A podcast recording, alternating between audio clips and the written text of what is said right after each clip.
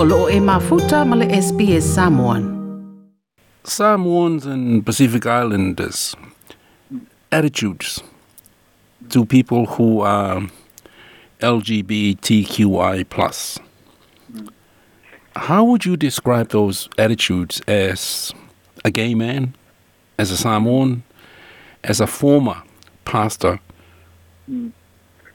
I would describe um, the attitudes, if we appreciate, if we understand for a moment that in Samoan culture, um, it is really bad to do anything that will bring shame upon the family name.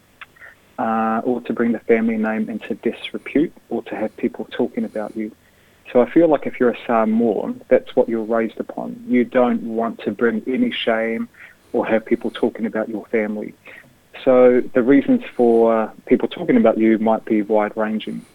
Um, however, when it comes to being gay, there is, um, I think there's a lot of shame and there's a lot of stigma, and you are worried uh, that you are going to bring shame upon your family name.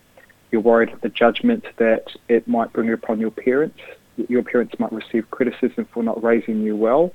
Uh, people might not think that you're a proper Christian, um, and that um, you know there's a negative association to it, unfortunately. Um, so I think because of those reasons, it's hard to be gay in a Pacific context, and I think that's why so many are in the closet. And for someone like me, I, it wasn't until I was 44 that I decided to come out. Um, that's old, you know. I Mm. feel like I missed out on my 20s and my 30s when most people were finding a partner um, and settling down, finding their partner for the rest of their life. That was an opportunity that um, I couldn't do because I knew I was gay, but I also uh, loved Jesus and wanted to be a Christian. Um, so I had to sacrifice one of those things, and that what I sacrificed was being gay and accepting myself and being myself. Talk to some of our young people tonight. Yeah. What would you say to them? Um, I would say to you, if you're a young person, um, my law lover, well done for what you do in your families. I know there are many young gay men, for instance, that in their families that they uh, have done done a, they've made their families really proud. A lot of them have gone on to have good jobs or go to university, some sort of tertiary education, and yet your family is happy for you to be single for the rest of your life on your own. So they're willing to accept the contribution you make to the family, but unwilling to accept your sexuality. And I will just encourage you, um, you know, step out, accept and love yourself. God loves you.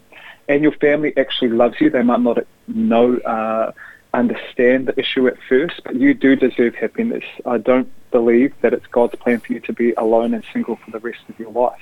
You are loved. You're not alone. There's people out there like you. And the more you get out there and share your story and don't be ashamed, uh, you will help others um, make it much more acceptable for them to come out as well.